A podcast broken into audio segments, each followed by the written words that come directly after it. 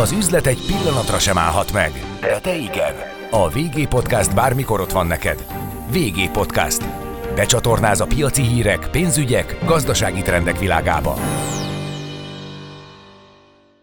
Köszöntöm a hallgatókat. Sándor Tünde vagyok, a világgazdasági ingatlanpiaci szakújságírója. Érdekes statisztika született idén nyáron, amikor történelmi csúcsra ugrott a kihelyezett lakáshitelek összege. Annyi hitelt helyeztek ki az elmúlt két hónapban a bankok, mint a korábbi években négy hónap alatt. Hogy miért és milyen feltételekkel adósodnak el most a lakásvárók, kinek való a babaváró hitel, milyen új és régi otthonteremtési támogatások vannak a piacon, nos erről fogom kérdezni vendégeimet, a Duna House vezető elemzőjét, Benedikt Károlyt, és Fülöp Krisztiánt, a Duna House pénzügyek vezetőjét. Szervusztok! Szia, üdvözöljük a hallgatókat! Sziasztok, üdvözlet a hallgatóknak! Ennyire optimisták az emberek, vagy ennyire elszaladtak a lakására, hogy egyre több hitelt kell felvenni a vásárláshoz? Krisztián? Én azt gondolom, hogy a, a, az optimizmus az egy, az egy alapjellemzője a piacnak, hogyha megnézzük az elmúlt időszakban a támogatásokkal teli piacot, de amikor csak a nyarat nézzük, és azt mondjuk, hogy az a nyár ez picit más, mint a többi, én azt gondolom, hogy a banki ciklusidők az elmúlt időszakban pont amiatt, hogy rengeteg hitel van meghosszabbodtak, tehát ezek nem feltétlenül nyári igénylések, hanem ugye a tavaszról áthúzódó és most szerződés kötött hitelek, illetve a nagyságrendben már megjelenik egy 10 milliárdot meghaladó, eddig nem látott, az MNB statisztikákban eddig nem látott hiteltípus, ugye ez az otthonfelújítási hitel, ami gyakorlatilag ezeket a rekordokat erősíti, de önmagában is borzasztóan erős a lakáshitelpiac. Ennek ennél is több oka van nyilván, a kamatok még mindig rendkívül alacsonyan vannak, ismerve a jelenlegi inflációt lehet mondani azt, hogy most, ha matematikai alapon közelítem meg, akkor is megéri, sőt azt gondolom, hogy kell hitelt felvenni, aki, aki tud és aki képes rá. Anna, az most vegyen fel hitelt? Az most vegyen fel, teljes mértékben időszerű még. Ha az elmúlt időszakot, az elmúlt egy évet megnézzük, akkor látszik az, hogy a hosszú kamatperiódusú hiteleknek a, az ára, a kamata emelkedett, de még bőven azon a tűrés határon belül vagyunk, amire azt mondjuk, hogy ez még matematikailag megéri. Mit jelent a hosszú kamatidejű, vagy futamidejű? Mit nevezel annak? A legalább 10 évig legalább fix. 10 év. A legalább 10 évig fix hiteleket. Van olyan bank, ugye, aki 15 éves, 20 éves, vagy végig fix eh, hiteleket képes nyújtani, de a legalább 10 éveseket szoktuk hosszú kamatperiódusú hiteleknek. Az egyébként egy tipikus futamidő, hogy aki hitelt vesz föl, legalább 10 évre veszi föl? Azt látjuk a mostani statisztikákból és a saját adatainkból, hogy olyan 18 évre vesszük fel átlagosan a lakáshiteleinket, de nem fizetjük végig, hanem nagyjából 13-13 és fél év alatt végtörlesztjük.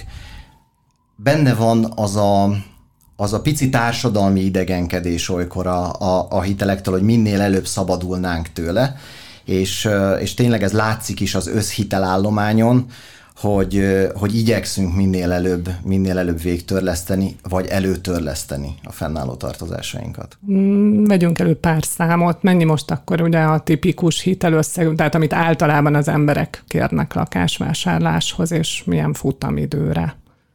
Ez a 18 év az általános futamidőnk, vagy az átlagos futamidőnk. Ha az átlagos hitelnagyságot nézzük, akkor ebben van egy olyan szám, amit a piac általánosan használ, és azt mondja, hogy nagyjából egy 18 milliós átlag hitelösszeggel számolunk, de a rendelkezésre álló statisztikákban van egy pici torzulás, mégpedig az, hogy a legtöbb ingatlan vásárlásnál ma jellemzően nem egy hitelből valósítjuk ezt meg, hanem mondjuk két hitelből, mert van egy kamattámogatott hitel, és van hozzá egy piaci hitel, tehát mi ismerjük a teljes hitelösszeget, ami a piacon van, és ismerjük annak a darabszámát, de ezt elosztva egymással csak egy matematikai átlagot kapunk, de a valóságban ennél magasabb átlagos hitelösszeggel. A mi számításaink szerint nagyjából 23-24 millió forinttal kell a budapesti ingatlanoknál, és legalább 18 millió forinttal a vidéki ingatlanoknál számolni. Tehát 23, 24 és 18 millió, mennyiért vásárolnak lakást most? Igen, ezt akartam mondani, hogyha ingatlanpiaci szempontból nézzük a, az árakat és a hitelezési csúcsokat, akkor, akkor egyrészt félig alátámasztott, hogy mert az árak még növekedtek az elmúlt időszakban, és nem annyira dinamikusan, mint az elmúlt években, de azért egyre-egyre drágábbak lesznek az ingatlanok, és sokan most már ezt csak hitellel tudják megvásárolni, és hogyha a hitelnagyságot nézzük, az átlagos hitelnagyságot és a, az átlagos lakásárat, akkor Budapesten 45 millió forint környékén van egy átlagos lakás, amit a legnehezebb találni, mert átlagos lakás mi soha sincsen a piacon, de, de hogy körülbelül 40-50 millió forintot kell fordítani arra, hogyha valaki Budapesten szeretne ingatlant venni, és hogyha ehhez nézzük a 23 millió forintos hitelnagyságot, akkor Ez egy elég jelentős. Hányad? Jelentős, igen, de ugye az MNB szabályozása szerint egy, egy ingatlan vásárlásnál 80%-ig lehet terhelni egy ingatlan, tehát a 80%-a is lehet akár hitelből, és minimálisan 20% önerő szükséges. Hogyha ezt nézzük, akkor azt látjuk azért, hogy, hogy még ez 50-60%-os terheltség még nem a maximuma a piacnak, tehát hogy van még ilyen téren is növekedés, és valószínűleg ahogy a lakásárak fognak nőni, ez a hitelnagyság tovább fog emelkedni a következő időszakban, de azért érdemes majd kicsit vidékre is tekinteni, hiszen ott, ott, ott meg jóval kisebb hitelösszegekből, vagy akár jóval kisebb támogatási összegekből is tudnak már lakást vásárolni az emberek. Amikor bemegy egy lakást vásárolni szándékozó ügyfél, mi, a, mi mindent lehet felajánlani neki? Tehát mi az, amit ideális esetben mi mindent vehet föl lakásvásárláshoz? Hitelre gondolok, kedvező kamatozású hitelek, otthonteremtési támogatásról sokat hallunk, írunk, beszélünk, illetve majd beszéljünk külön az otthonfelújításról is, tehát most a lakásvásárlást nézve, mi az, a, ami, amit kölcsön kap, és mi az, amit támogatásként úgymond örökbe megkap az államtól. Itt, itt hadd kezdjem én ingatlanpiaci szempontból, mert, mert nagyon fontos, hogyha egy ügyfél bemegy és ingatlan szeretne vásárolni, akkor, akkor meg kell határozni a pontos céljait és motivációját, ahhoz, hogy utána egy pénzügyi szakember tudjon már neki segíteni az elérhető támogatások rendszerébe, és majd itt mindjárt átadom Krisztiánnak a szót, aki össze tudja foglalni, hogy milyen támogatások, milyen hitel lehetőségek vannak, de a legfontosabb látni, hogy ebből milyen ingatlant szeretnénk vásárolni, mert ehhez képes kell meghatározni azokat a termékeket, amit ő az élethelyzetéből adódóan, az ingatlan célból adódóan fel tud venni, vagy meg, meg tud szerezni. Nézzük akkor a konkrétumokat.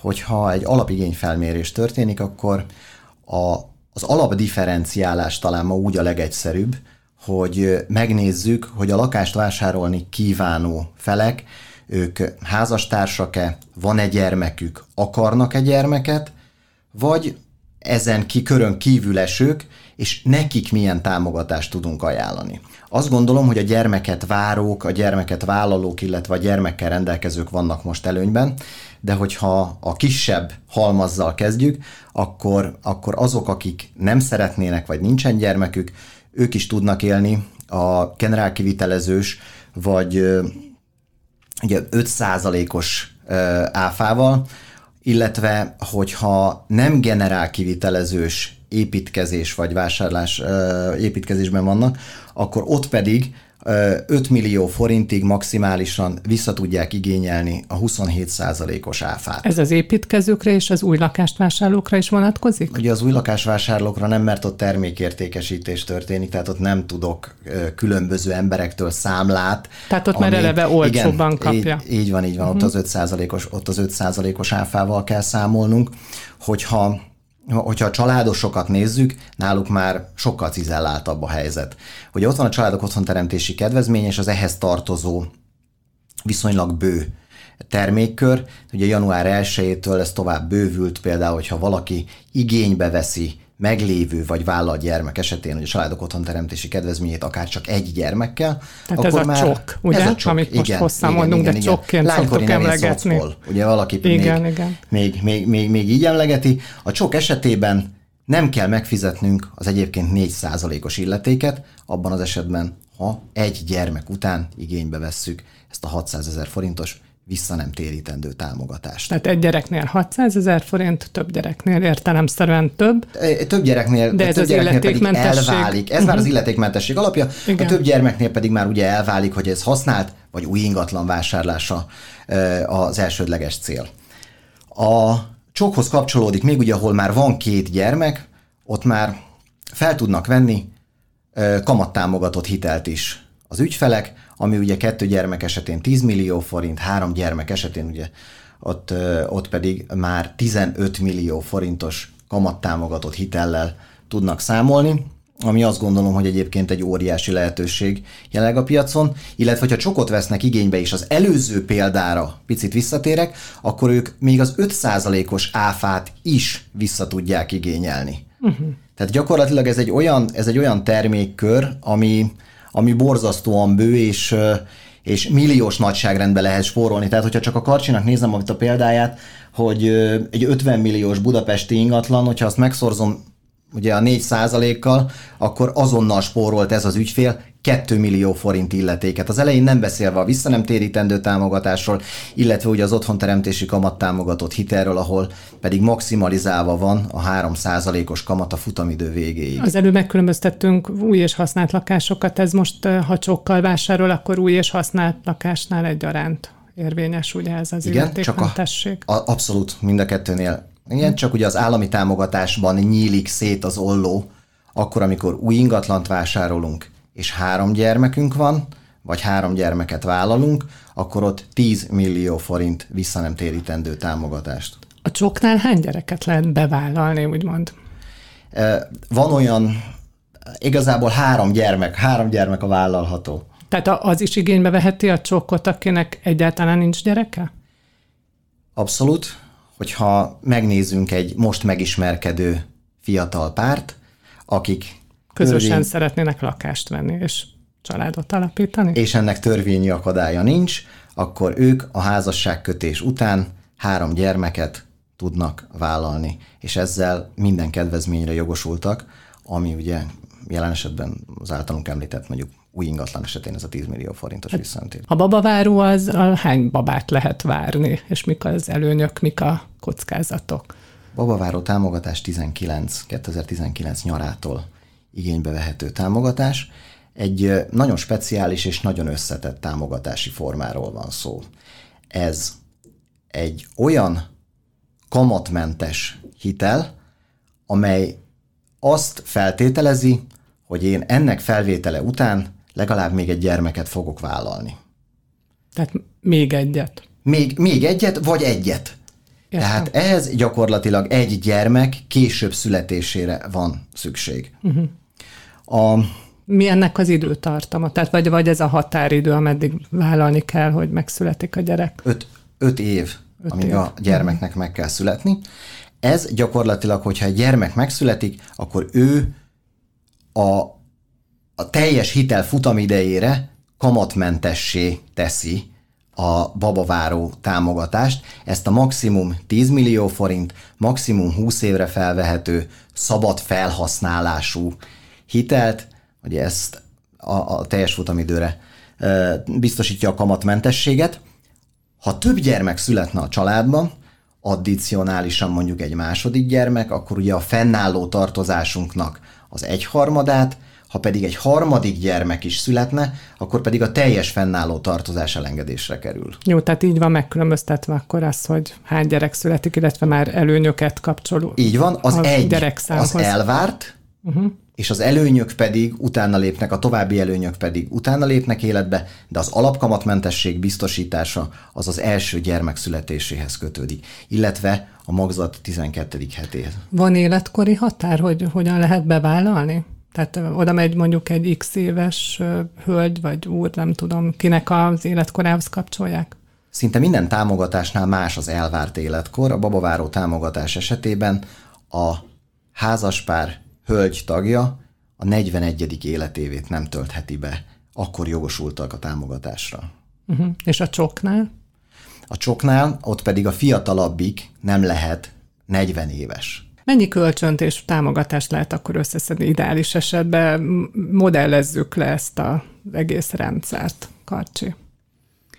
Ugye ingatlan, hogyha ingatlant tekintünk és ingatlant nézünk, akkor mindenképpen az új lakás vásárlásánál lehet maximalizálni ezeket a költségeket, és a három gyermek, vagy a három ö, ígért, vagy, vagy már jelenlévő és később születendő gyermeknek a vegyes kombinációja jelentheti azt a maximális támogatást, ami felvehető egy lakás vásárlásánál, és még itt én visszakötnék egy nagyon gyorsan egy kicsit a babaváróra, mert hogy, hogy a Krisztián említette, ez egy szabad felhasználású hitel, és mégis mindig az ingatlanpiaci szempontokat nézzük, vagy az ingatlanpiaci hírekkel kapcsolatban emlegetjük a babavárót, ami nem véletlen, hiszen a babaváró hitelnek a felhasználását vizsgáltuk és megnéztük, hogy mire használják az emberek, és a jelentős többsége, 60-70 százaléka ingatlan vásárlásra, vagy ingatlan felújításra, tehát bármilyen ingatlan célra használja ezt a támogatást, ezért fontos a babavárók támogatás az ingatlanpiac szempontjából, hiszen vannak szélsőségek, például van, aki autót vásárol belőle, van, aki tényleg vállalkozást indít, valaki elrakja a gyereknek tényleg későbbi korszakára, és hogy akkor támogassa majd, de a legtöbben jelenleg az ingatlan céljaiknak a megvalósítására használják babaváróból Most igazából arra céloztál, akkor hogy csak a jogosultságot nézik a bankok, nem a felhasználás mm, célszerűségét, ugye? Tehát, hogy bármire Pontosan. használhatja. Igen, és ezt nem is kell, hogy vizsgálják, és a, a igazából a hitelfelvevőnek is önbevallásos rendszeren ö, keresztül kell elmondani, hogy mire szeretné használni ezt a támogatást. Ezt nem ellenőrzik, és nem is kell ellenőrizni. Gondolom a tanácsadók felelősség az, hogy, hogy mondjuk arra figyelmeztetni az ügyfeleket, hogy legalábbis valami értékálló, időtálló befektetésre vagy vásárlásra fordítsák. Hát ha a támogatás célját nézzük, akkor mindenképpen, hiszen itt, itt valóban a, a gyermekvállalás ösztönzése és az ehhez kapcsolódó életkörülmények megteremtése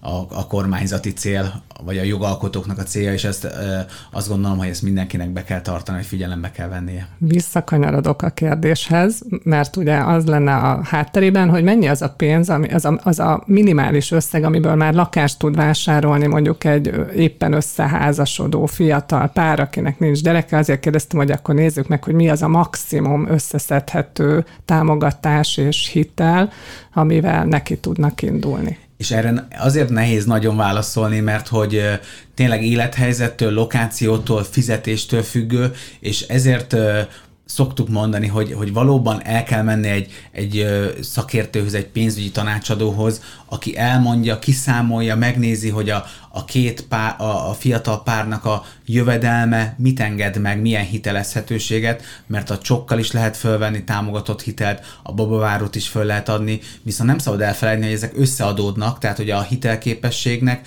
az egész támogatási rendszernek meg kell, hogy feleljen, és minden részletszabálynak, de hogyha azért azt gondolom, hogy nem mondunk rossz irányt, hogyha ha minden támogatást maximalizálunk, akkor körülbelül 30 vagy 30 millió forint fölötti összeg is igényelhető vagy megszerezhető, ebből egy részét vissza kell fizetni, egy részét nem, tehát hogy nagyon komplex a dolog, de, de ennyi, ekkora összeg kell, és hogy ez mire elég Budapesten, mire elég vidéken, az megint egy másik kérdés. Nagyon fontos, hogy amennyiben például csokot veszünk föl, akkor van az ingatlan, ingatlanokkal kapcsolatos elvárás és előírás, mind méretügyileg, mind felszereltségben, komfortzónában, tehát hogy ezekre figyelni kell, mert hiába szeretnénk mi abból a 30-40 millió forintból venni egy ingatlan, de hogyha Budapesten az csak egy 50 négyzetméteresre elég, akkor az nem felel meg a három gyermekes csoknak, hiszen ott a minimális gyerekekhez ö, ö, id, ö, igényelt, vagy a gyerekekhez passzolt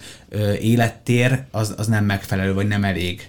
Akkor, amikor családot alapítunk, szerintem nagyon fontos látni a támogatásoknak a mennyiségét és a támogatásoknak a nagyságát, de az egy nagyon komoly felelősség, hogy ne a vágyainkhoz próbáljunk meg támogatásokat választani, hanem, hanem nézzük meg azt, hogy milyen családot szeretnénk, hány gyermeket, és ez alapján válogassuk össze magunknak a támogatásokat. Lehet, hogy borzasztóan szimpatikus egy új építésű ingatlanhoz járó 10 millió forintos támogatás, de lehetséges, hogy mi nem szeretnénk három gyermeket, lehet, hogy csak kettőt terveztünk volna. Nem valószínű, hogy egy gyermek felnevelése és a 10 millió forint az arányos egymáshoz képest. Tehát én azt gondolom, hogy mindig nézzük meg, hogy milyen életet szeretnénk élni, és ehhez válasszuk a támogatásokat, és nem maximalizáljuk a támogatást egy csak azért, hogy, vagy, vagy ne vállaljunk azért több gyermeket, hogy a támogatást maximalizálni tudjuk. Szerintem ez egy nagyon, ez egy nagyon-nagyon fontos elem. Tehát azt mondod, hogy elég kockázatvállalók a hitelfelvételre készülők? Egy része legalábbis van egy ilyen egy, réteg. egy, Ez- része, egy része egészen biztosan kockázatvállaló, de akkor, amikor valaki így vállal kettő vagy három gyermeket, ő abban a pillanatban még nem tudja pontosan, hogy milyen lesz majd egy síró gyermekhez felébredni. Fiatalokról beszélünk, zömében gyermektelenekről. Igen, a tapasztalat ez után következik. A tapasztalati úton szerzett tudás sok mindenen képes változtatni, tehát abban a pillanatban, amikor az ötlet megszületik, ez nem biztos, hogy rossz, nem biztos, hogy felelőtlen, nem biztos, hogy meggondolatlan, de ettől függetlenül lehet, hogy ők csak kettő gyermeket szerettek volna, de mégis a támogatás maximalizálása miatt vállalnak mondjuk hármat. Én azt gondolom, hogy ezekben a dilemmákban, ezekben, ezekben a racionális döntéseket kell inkább hozni. Hát és mondhatod, hogy 18 évre adósodnak el zömében az emberek. Tehát körülbelül ennyire vállalnak egy gazdasági érdekközösséget is, ami ugye egy törlesztés is jelent. No, de akkor az otthonfelújítási támogatás megvette az új lakást, illetve nem, a- nem, nem új építésűt, hanem egy használt lakás, bár ugye új építésű lakás berendezésére is fordítható. Abszolút. Úgyhogy ez egy, ez, egy, ez egy nagyon széles körű és egy hiánypótló hitel, ugye ez a, vagy támogatás, hogy a felét lehet az államtól igényelni 6 millió forintig, ezt már nagyon sokszor hallottuk, olvastuk, vannak ugye buktatói is, hogy 50%-ban munkadíjnak kell lenni, 50%-ban pedig eszköznek, de mi a tapasztalat? Tehát az, hogy fölveszik az emberek, aki tudja ezt a 3 millió forint önrész pótló hitelt, vagy hitelként? nagyon nagyon nehéz a jelen pillanatban lévő tapasztalatainkról még beszélni. Ugye maga az otthonfelújítási támogatás január 1 óta van, az Így ezt igaz. fina, ennek finanszírozására szolgáló hitel pedig február elejétől. Uh-huh. Ami, ami azt jelenti, hogy ezeknek a hiteleknek a folyósítása nagyjából márciusban, áprilisban kezdődött meg, ahol, ahol már 10 milliárd forint fölötti ilyen típusú hitelvolument látunk. Ha Összesen vagy havonta? havonta Ah, ott már, ott már havi szinten, sőt volt olyan hónap, amikor a 15 milliárdot is elérte. ennyire számítottatok, vagy több? Bocsánat, ez csak egy közbevetés, hogy ez milyen Azt siker. hiszem, hogy itt talán személyes számítások vannak elsősorban, én többre számítottam. Uh-huh. Ó, de talán növekszik ez a összeg? Jelen pillanatban e, e, hónapról hónapra alacsonyabb a száma, Aha. de a banki, a banki vezetők jelen pillanatban azt mondják, hogy az igény az a nyár végével folyamatosan növekszik, és a fióki érdeklődés az folyamatosan nő.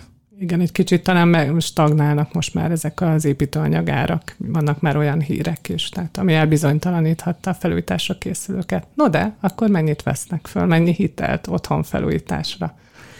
ez a 10 milliárdos nagyságrend, és nagyjából... személyenként? És személyenként, családonként, igénylőnként a 6 millió forint az, ami meg van célozva szinte minden egyes hiteligénynél.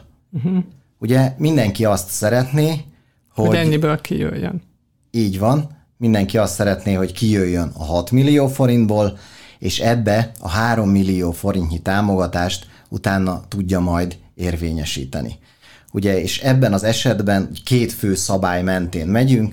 Az egyik ugye, hogy az 50%-át a beruházásnak lehet állami támogatásból, utófinanszírozásba igénybe venni, és legalább ugye ennek meg kell oszlania munkadíjra és anyagköltségre. Ami azt jelenti, hogy a kisebbik számlának, tehát vagy az anyagköltségnek, vagy a munkadíjnak legalább másfél millió forintosnak kell lenni.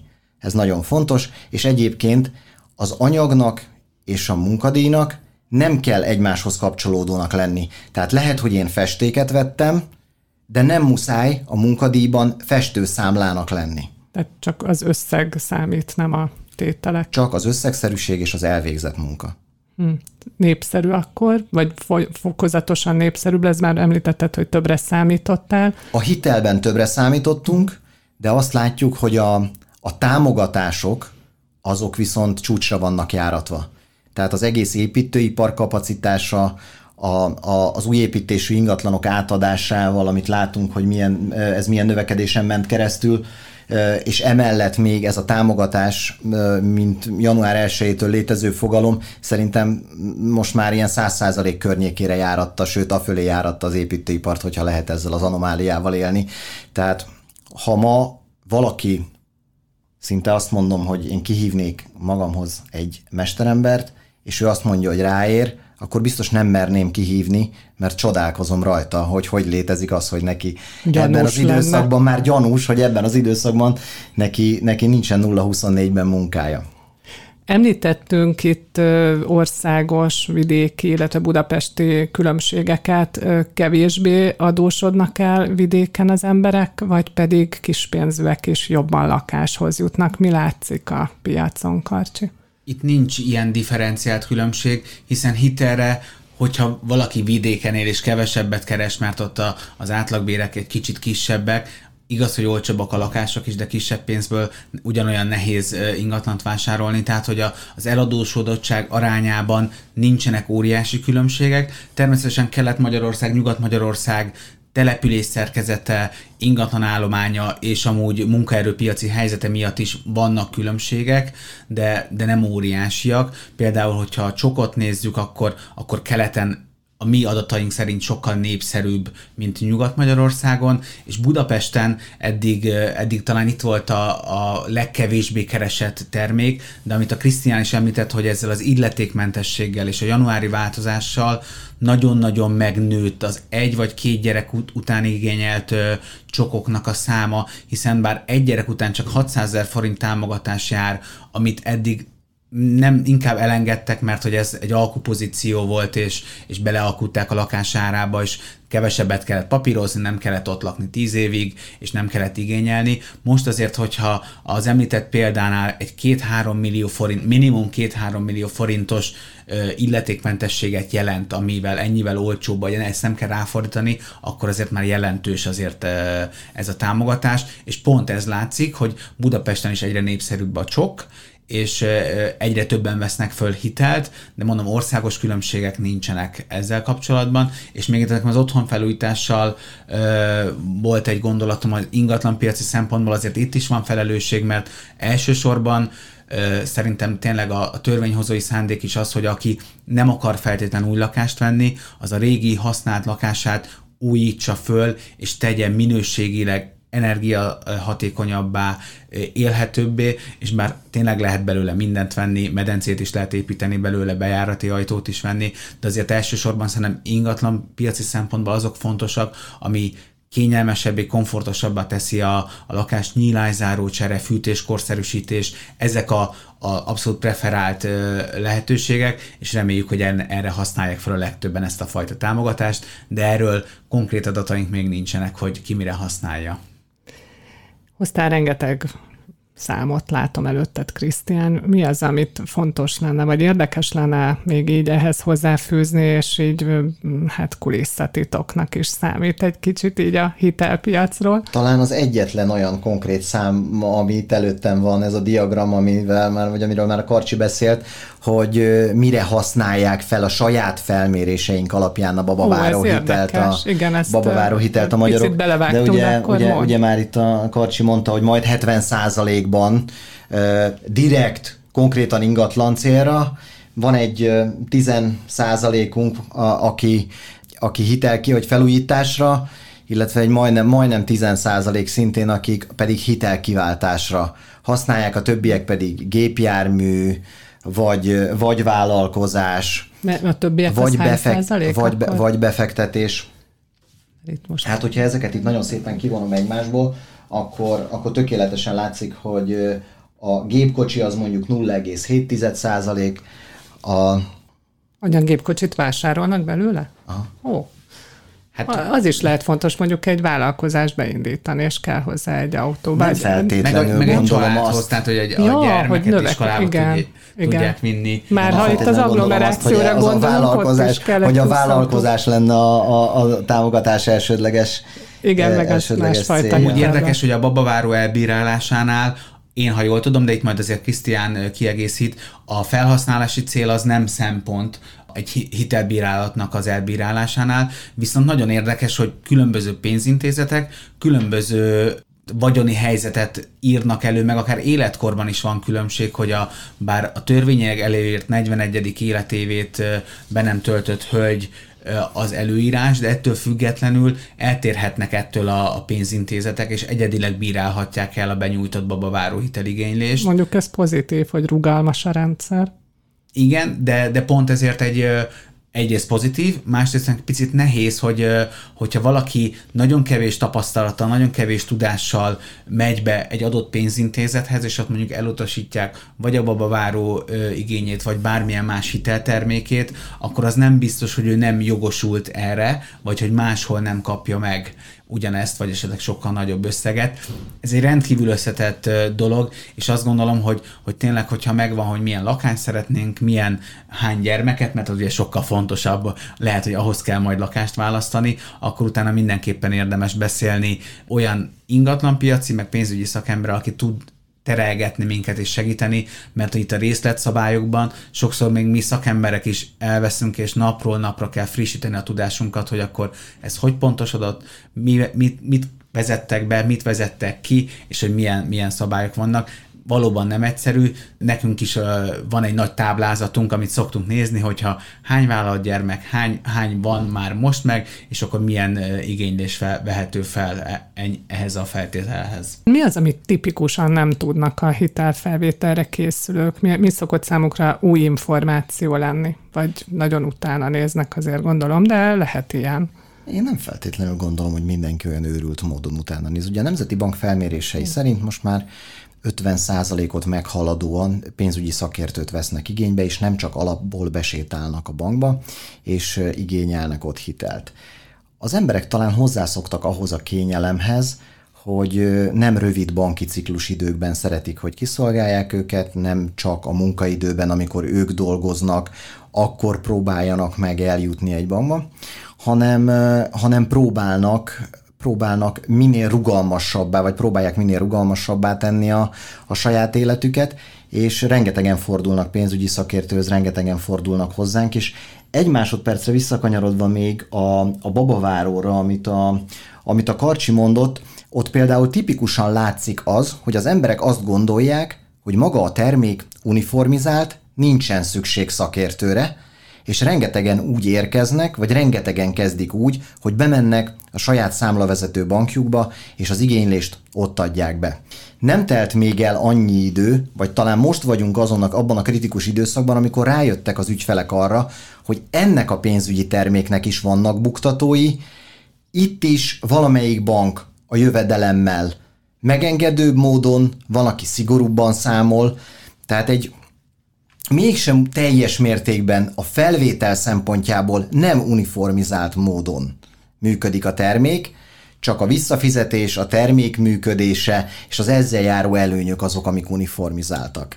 Ez, ez azt gondolom, hogy egy nagyon fontos dolog, és akkor, amikor az ügyfelek már lakáshitelt szeretnének, akkor félig meddig bele vannak kényszerítve egy korábbi pénzügyi termékük miatt egy valamilyen utcába, és lehet, hogy emiatt kell választaniuk egy adott bankot, és nem tudnak mondjuk szabadon dönteni a lakáshitelüknek a felvételéről. Mi a tipikus kockázat? Például nem születik meg a gyerek, vagy elválnak? Milyen ilyen élethelyzetek vannak, amivel jó előre tisztában lenni, hogy akkor hogyan változik meg a hitel, vagy a törlesztő részlet? Hát ugye a vállás az egy, az egy alapvető kockázat, ami, ami jellemző a, a, a rendszerre, illetve Hát a gyermek meg nem születése, erről még, erről még őrült módon nem tudunk statisztikákat hiszen mondani, éves hiszen még kettő uh-huh. éves a termék. És a türelmi időn belül vagy. És bőven az öt éven, az öt éves türelmi időn belül vagyunk. De ha kockázat szempontjából a két legerősebb elemet kellene említeni, akkor a vállás, illetve a meg nem született gyermek lehet az. Kockázat még mondjuk a hitel ügyintézési idő is, ugye, legalábbis idegileg, amikor ugye az ember benne van egy ilyen tranzakcióban, hát akkor minél előbb szeretné rendezni a dolgokat. Mire lehet most számítani, mennyi idő alatt lehet mindezt lebonyolítani? Bürokrácia csökkentésről van szó állami központi szinten, érezhető ez itt a lakáspiacon a hitelezésnél? Egy átlagos lakásvásárló kettő-kettő és félszer vásárol az életében ingatlan, tehát rutint, nem fog tudni szerezni valószínűleg az átlag ügyfél. Ha szakértő van mellette, akkor az előkészületek azok valószínűleg gyorsabban tudnak megtörténni, mert sokkal transzparensebb, átláthatóbb lesz a, a, a papírgyűjtési időszak. Ugye a támogatások miatt társadalombiztosítási igazolásokra lehet szükség, vagy vállalkozók esetén NAV jövedelemigazolásra, tehát nem feltétlenül egy ablakos a rendszer, ami a hiteligényléshez vezet. Akkor, hogyha az ügyletünk bekerült a rendszerbe, akkor még nagyon sok mindenen múlik egyébként a ciklusidő. Nyilván, ha az értékbecslés hamar megvan, mert az eladó hamar be tudja mutatni az ingatlant, akkor ez rövidíthet az időszakon. Akkor, hogyha ha olyan bankba kerül az ügylet, ami kevésbé leterhelt, akkor, akkor ez is rövidíthet az időszakon. De ha most egy átlagos ciklusidőt és felelősség teljesen szeretnék ügyfélnek tanácsot adni, akkor én azt gondolom, hogy minimum 60 napos adásvételi szerződést szükséges írni ahhoz, hogy elkerüljük az idegeskedést. Természetesen bőven ezen belül lehet, amíg a, a hitelügylet végigmegy, és mindemellett nem kell tartani attól az eladónak, hogy ez hosszú idő, hiszen amikor egy készpénzes vásárló jelenik meg az ingatlanunknál, akkor ő sem úgy jelenik meg, őt sem onnan ismerem fel, hogy vastagabb a zsebe, és hozta magával azonnal a teljes vételárat, hanem valószínűleg az ő pénze is valami olyan eszközben van, amire idő kell, hogy azt onnan fel tudja szabadítani. Úgyhogy a hiteles vásárlóknak az üzenet az az, hogy legalább 60 napos adásvételi, az eladóknak pedig az, hogy a hiteles vásárló az pont ugyanannyi idő alatt fog tudni fizetni, és pont ugyanazzal a magabiztossággal és kérdezted, hogy miket nem tudnak, na ezt például már nem tudják a, általában az eladók, hogy milyen időtartammal, milyen ciklussal számoljanak, és hogy milyen buktatók lehetnek, milyen papír szükséges, értékbecslés kell-e, nem kell. Van-e hitel azon az ingatlanon, amit meg kíván vásárolni, oh. ami ugye még a másik oldalról is szükségesé tesz némi ügyintézést. Tehát ez, ezek a befolyásoló tényezők, de az, hogy mennyi az átlagos ciklusidő, az pontosan semmit nem fog egyébként elárulni annak az ügyfélnek, aki ma otthon szeretne magának vásárolni. Hogy látjátok, óvatosabbak lettek az emberek, tanultak a deviza hiteles időszakból? Nagyon, én azt gondolom, hogy kénytelenek mindenképpen óvatosak, mindenképpen óvatosabbak vagyunk. Ez természetes. Sokkal több a kommunikáció, ami az óvatosságra inti az embereket. Sokkal jobban bele vagyunk kényszerítve egy egy olyan működési környezetbe, ami minimális önerőt vár el például, ami nem volt korábban, ami maximalizálja, hogy a jövedelmemet meddig terhelhetem, ami nem volt korábban. Tehát a jogalkotó az mindenféleképpen vigyáz és óvja a fogyasztót az eladósodottságtól, vagy a kiszámi, az eladósodottság kiszámíthatatlanságától, de de azért szeretnek elmenni a falig, tehát a plafonig? Nem feltétlenül. Talán az az átlag, amit itt a Karcsi mondott, hogyha megnézzük, akkor ilyen 60% ig uh-huh. mennek el, tehát 40% önerővel ma az átlagos vásárló a, a mi statisztikáink szerint rendelkezik. Tehát én azt gondolom, hogy hogy nem, tehát sokkal jobban megérné matematikailag a falig menni, sokkal nagyobb az óvatosság. De hogyha belegondolunk, hogy mennyire óvaintett a devizahitel, ma ha az átlagos vásárlónk életkorát megnézzük, hát gyerekek voltak a devizahitelnél, hát nem, nem lehet óvainteni valakit, aki egyébként nem is tapasztalta meg ezt a bőrén, a szüleitől hallott róla esetlegesen, vagy a családjában találkozott, vagy régi történelmi időkből hallott erről valamit, ha a nagy átlagot nézem, és az első lakását vásárló fiatal családot, hát jó esetben egyetemisták voltak akkor, amikor, amikor devizahitelről beszéltünk. Van olyan, akinek egyáltalán nem tanácsoljátok a hitelt, mondjuk bizonytalannak látszik az egzisztenciája bármi, és inkább kivárásra ösztönzitek, vagy egy kicsit később visszatérni, vagy még több önerőt ö, gyűjteni? Van ilyen ügyfél? Nem hiszek abban, hogy ilyen típusú tanácsot kell, vagy lehet adni valakinek. Uh-huh. Mert hogyha valakit én mondjuk 2014-ben arra intettem volna, hogy kedves ügyfél, menj haza, és gyűjts még össze Budapesten 2 millió forintot, akkor ő azért másfél-két év múlva biztosan megkérdezte volna tőlem, hogy az rendben van, csak annak az ingatlannak, amit én annak idején kinéztem 15 millióért, most 30 millió forint az ára. Tehát ezt a felelősséget én azt hiszem, hogy senki nem vállalhatja fel, és a tanácsadásra ilyen típusú tanácsadásra legfőképpen egyáltalán nem vagyunk felhatalmazva. Egyébként nem véletlenül említettem ezt a tanácsadást, mert annak idején ugye a hiteltanácsadók, tehát beleengedték azért az ügyfeleket sokszor olyan helyzetekbe is, amiről látni lehetett, tehát a másik oldal is tanult, és ahogy említetted, a szabályozás is sokkal biztonságosabbá tette ezt a hitelfelvételi környezetet, meg hogy meddig engedik el az embereket. Köszönöm szépen a beszélgetést. Köszönjük szépen mi is. Nagyon szépen köszönjük. Üzletre hangolunk. VG Podcast.